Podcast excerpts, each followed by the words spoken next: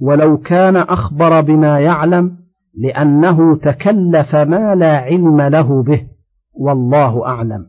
ولهذا تحرج جماعة من السلف عن تفسير ما لا علم لهم به كما روى شعبة عن سليمان عن عبد الله بن مرة عن أبي معمر قال قال أبو بكر الصديق رضي الله عنه أي أرض تقلني وأي سماء تظلني إذا قلت في كتاب الله ما لا أعلم. وقال أبو عبيد القاسم بن سلام حدثنا محمد بن يزيد عن العوام بن حوشب عن إبراهيم التيمي أن أبا بكر الصديق سئل عن قوله تعالى وفاكهة وأبا؟ فقال أي سماء تظلني وأي أرض تقلني إذا أنا قلت في كتاب الله ما لا أعلم. منقطع. وقال أبو عبيد أيضا حدثنا يزيد عن حميد عن أنس أن عمر بن الخطاب قرأ على المنبر وفاكهة وأبا فقال هذه الفاكهة قد عرفناها فما الأب؟ ثم رجع إلى نفسه فقال إن هذا لهو التكلف يا عمر. وقال محمد بن سعد حدثنا سليمان بن حرب حدثنا حماد بن زيد عن ثابت عن أنس قال كنا عند عمر بن الخطاب رضي الله عنه وفي ظهر قميصه أربع رقاع فقرأ وفاكهة وأبا فقال فما الأب ثم قال هو التكلف فما عليك ألا تدريه. وهذا كله محمول على أنهما رضي الله عنهما إنما أرادا استكشاف علم كيفية الأب وإلا فكونه نبتا من الأرض ظاهر لا يجهل. كقوله تعالى فأنبتنا فيها حبا وعنبا الآية.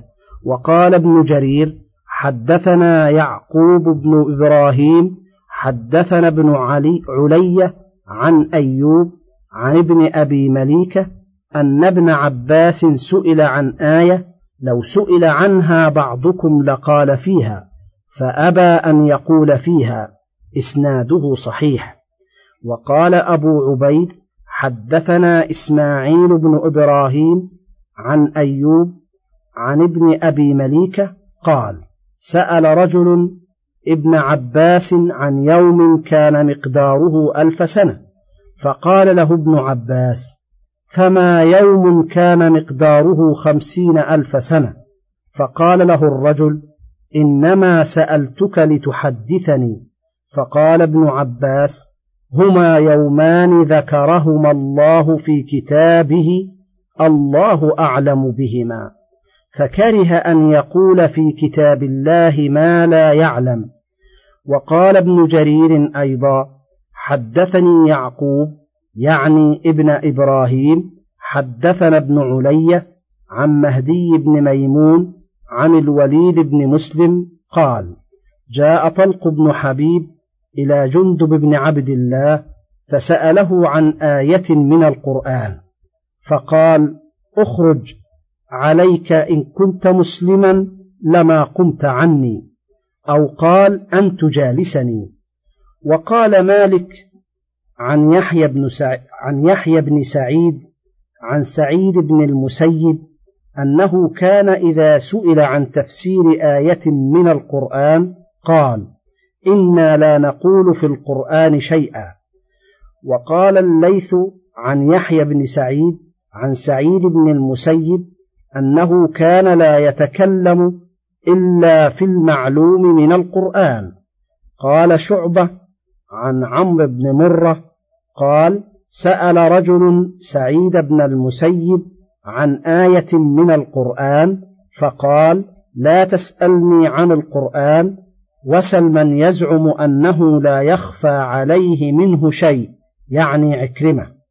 وقال ابن شوذب حدثني يزيد بن أبي يزيد قال كنا نسأل سعيد بن المسيب عن الحرام والحلال وكان أعلم الناس فإذا سألناه عن تفسير آية من القرآن سكت كأن لم يسمع.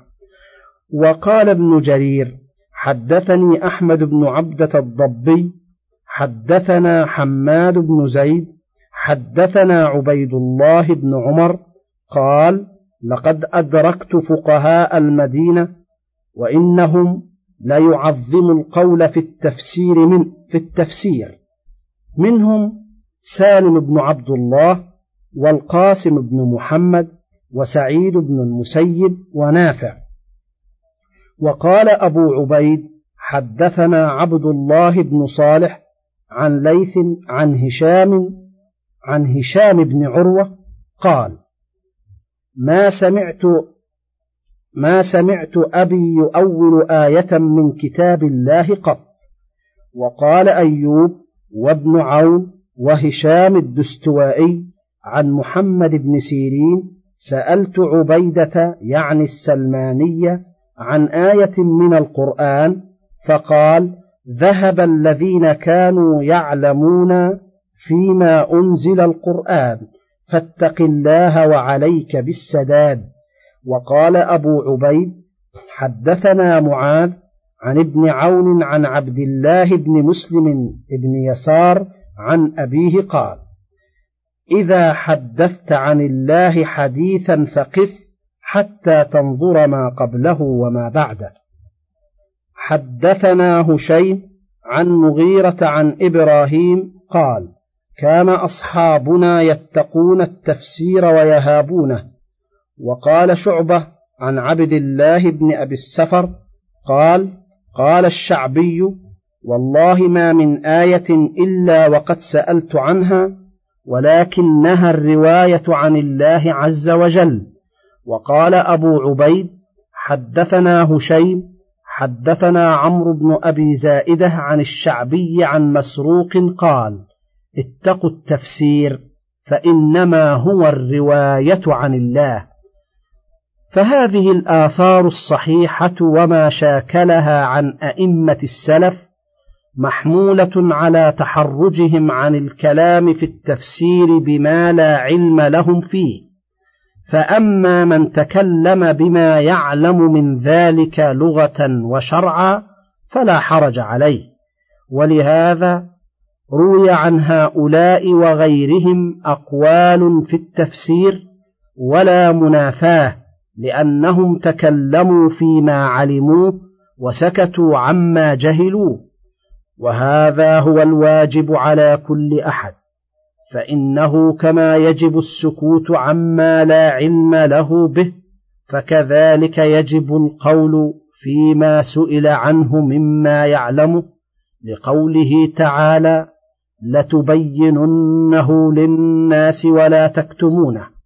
ولما جاء في الحديث الذي روي من طرق من سئل عن علم فكتمه ألجم يوم القيامة بلجام من نار.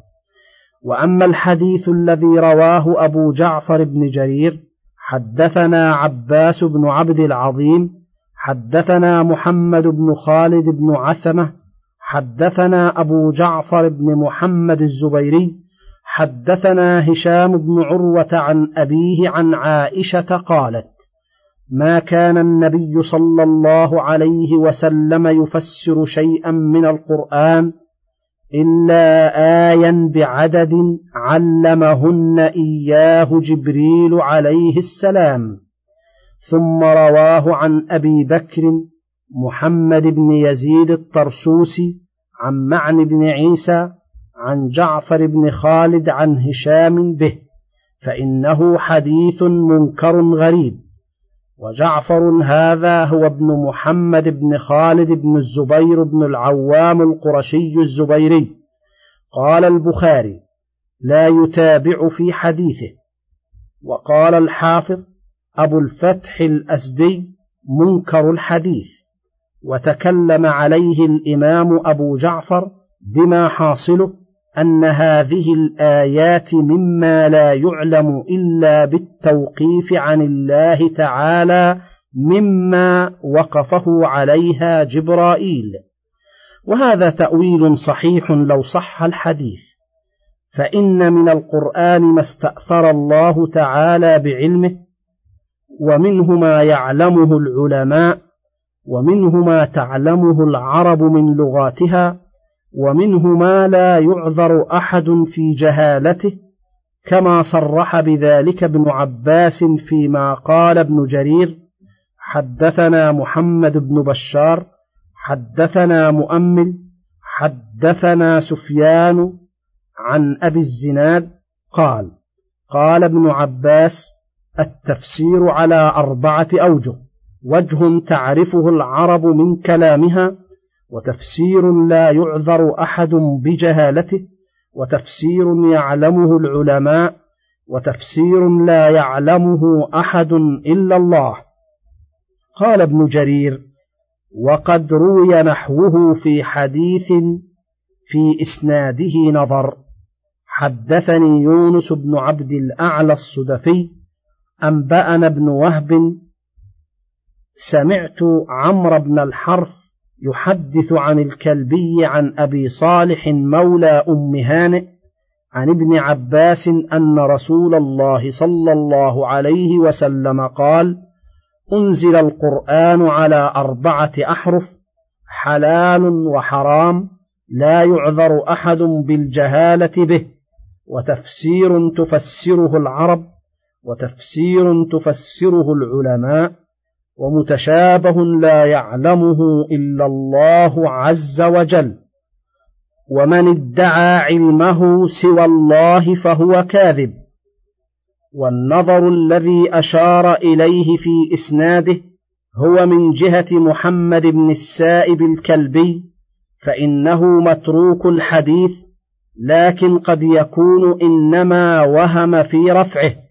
ولعله من كلام ابن عباس كما تقدم والله أعلم.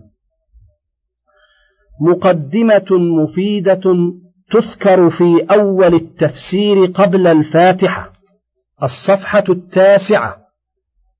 قال أبو بكر بن الأنباري حدثنا إسماعيل بن إسحاق القاضي حدثنا حجاج بن منهال حدثنا همام عن قتادة قال نزل في المدينة من القرآن البقرة وآل عمران والنساء والمائدة وبراءة والرعد والنحل والحج والنور والأحزاب ومحمد والفتح والحجرات والرحمن والحديد والمجادلة والحشر والممتحنة والصف والجمعة والمنافقون والتغابن والطلاق ويا أيها النبي لم تحرم إلى رأس العشر وإذا زلزلت وإذا جاء نصر الله هؤلاء السور نزلت بالمدينة وسائر السور بمكة.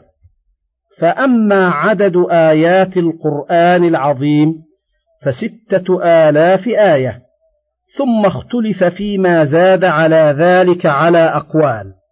فمنهم من لم يزد على ذلك ومنهم من قال ومئتي آية وأربع آيات وقيل وأربع عشرة آية وقيل ومئتان وتسع عشرة آية وقيل ومئتان وخمس وعشرون آية أو ست وعشرون آية وقيل ومئتان وست وثلاثون حكى ذلك أبو عمرو الداني في كتابه البيان. وأما كلماته فقال الفضل بن شاذان عن عطاء بن يسار سبع وسبعون ألف كلمة وأربعمائة وتسع وثلاثون كلمة. وأما حروفه فقال عبد الله بن كثير عن مجاهد هذا ما أحصينا من القرآن وهو ثلاثمائة ألف حرف وأح وأحد وعشرون ألف حرف ومائة وثمانون حرفا. وقال الفضل بن عطاء ابن يسار ثلاثمائة ألف حرف وثلاثة وعشرون ألفا وخمسة عشر حرفا. وقال سلام أبو محمد الحماني إن الحجاج جمع القراء والحفاظ والكتاب فقال أخبروني عن القرآن كله كم من حرف هو؟ قال فحسبنا فأجمعوا أنه ثلاثمائة ألف وأربعون ألفا وسبعمائة وأربعون حرفا. قال فأخبروني عن نصفه. فإذا هو إلى الفاء من قوله في الكهف وليتلطف. وثلثه الأول عند رأس مئة آية من براءة. والثاني على رأس مئة أو إحدى ومئة من الشعراء. والثالث إلى آخره. وسبعه الأول إلى الدال من قوله تعالى فمنهم من آمن به ومنهم من صد. والسبع الثاني إلى التاء من قوله تعالى في سورة الأعراف أولئك حبطت. والثالث إلى الألف الثانية من قوله تعالى في الرعد أكلها.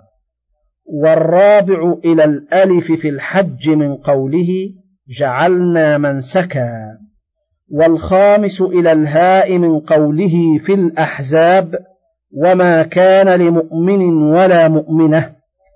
والسادس إلى الواو من قوله تعالى في الفتح الظانين بالله ظن السوء. والسابع إلى آخر القرآن. قال سلام أبو محمد علمنا ذلك في أربعة أشهر.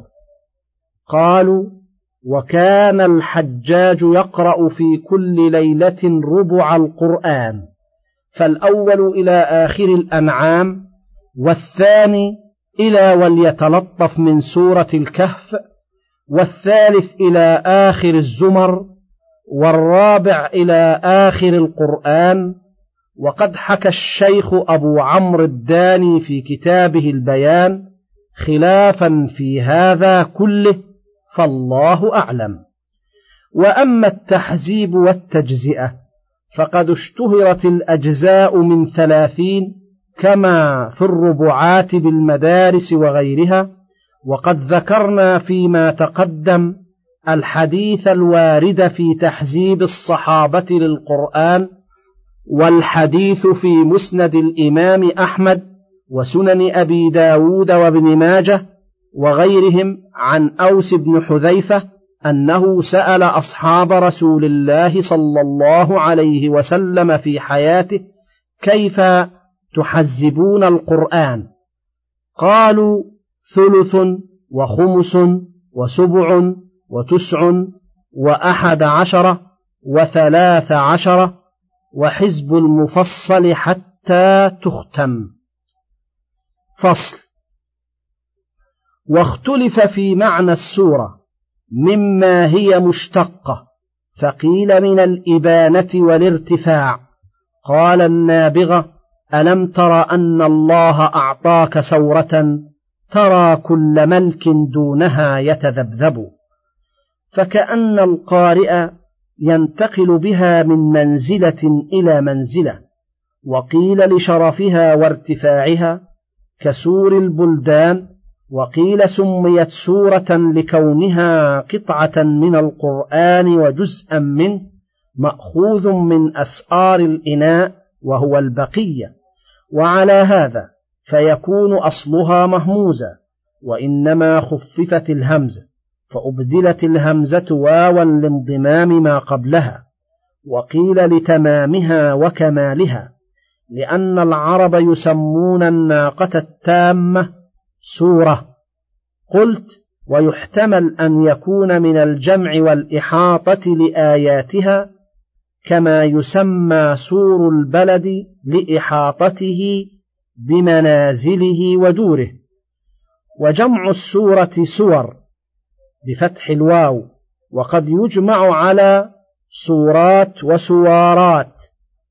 وأما الآية فمن العلامة على انقطاع الكلام الذي قبلها عن الذي بعدها وانفصالها أي هي بائنة عن أختها ومنفردة.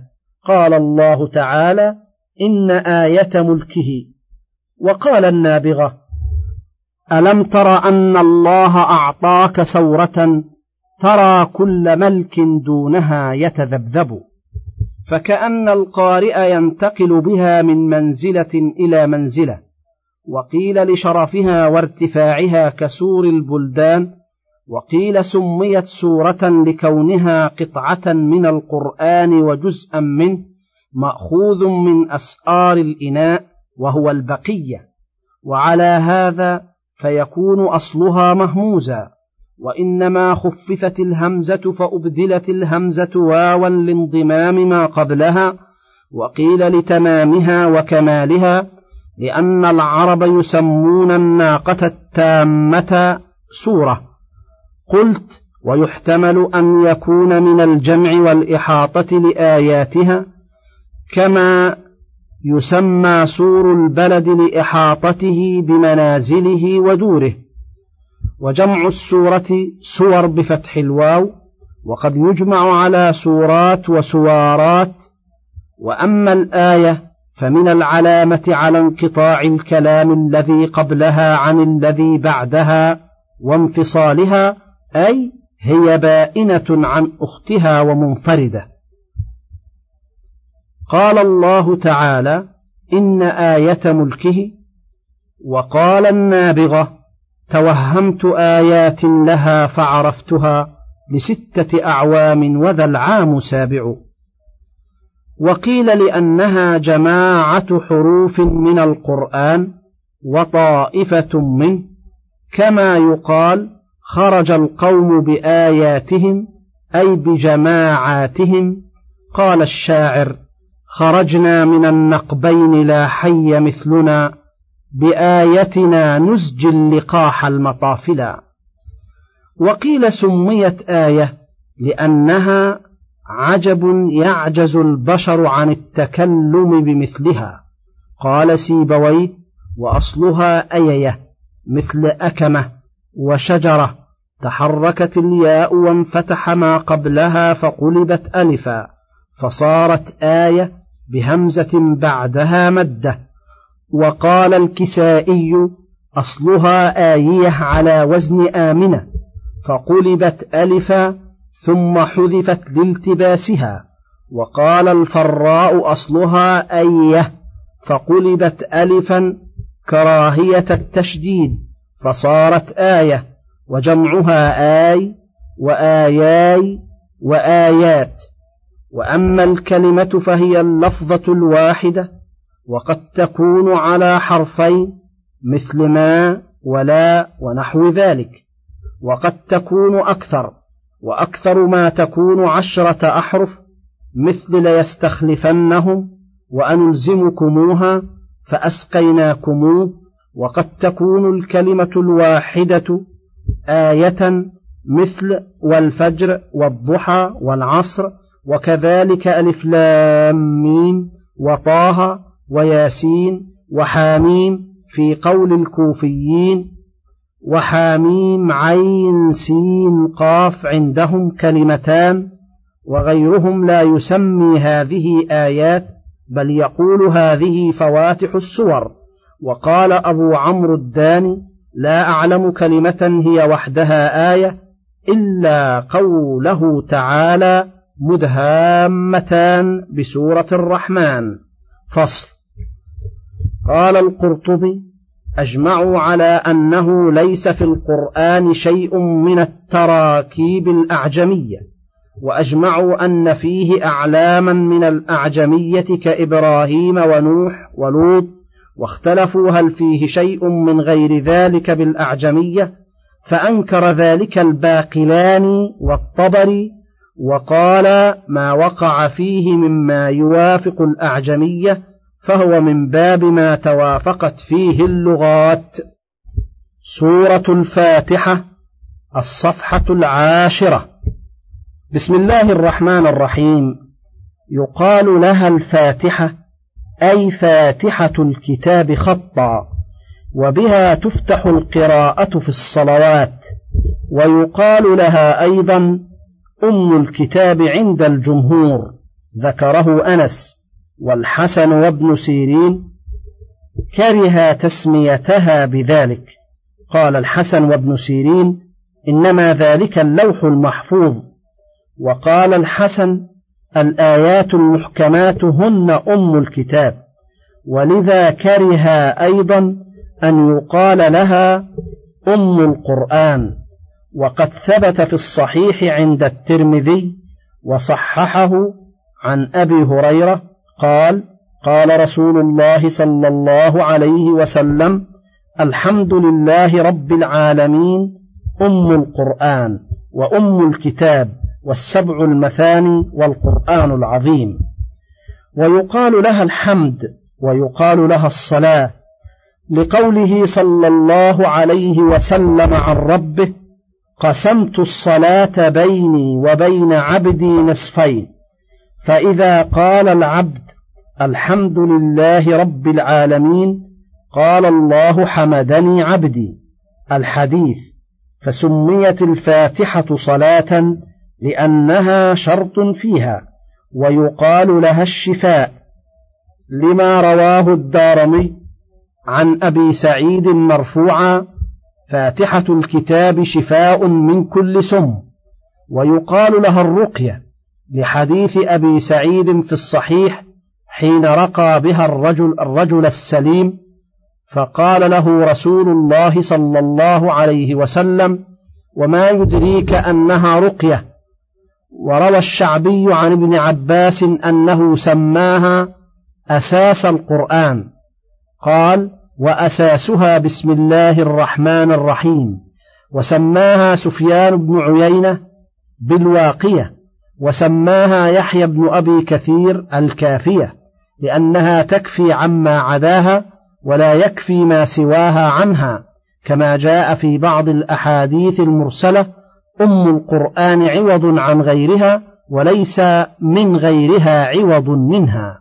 ويقال لها سورة الصلاة والكنز ذكرهما الزمخشري في كشافه. وهي مكية قاله ابن عباس وقتادة وأبو العالية وقيل مدنية قاله أبو هريرة ومجاهد وعطاء بن يسار والزهري ويقال نزلت مرتين مرة بمكة ومرة بالمدينة والأول أشبه لقوله تعالى ولقد آتيناك سبعا من المثاني والله تعالى أعلم.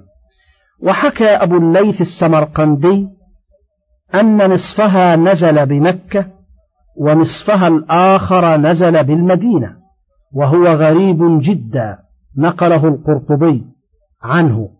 وهي سبع آيات بلا خلاف وقال عمرو بن عبيد ثمان وقال حسين الجعفي ستة وهذان القولان شاذان وإنما اختلفوا في البسملة هل هي آية مستقلة من أولها كما هو عند جمهور قراء الكوفة؟ وقول, وقول جماعة من الصحابة والتابعين وخلق من الخلف أو بعض آية أو لا تعد من أولها بالكلية كما هو قول أهل المدينة من القراء والفقهاء على ثلاثة أقوال كما سيأتي تقريرها في موضعه إن شاء الله تعالى وبه الثقة. من فضلك تابع بقية المادة.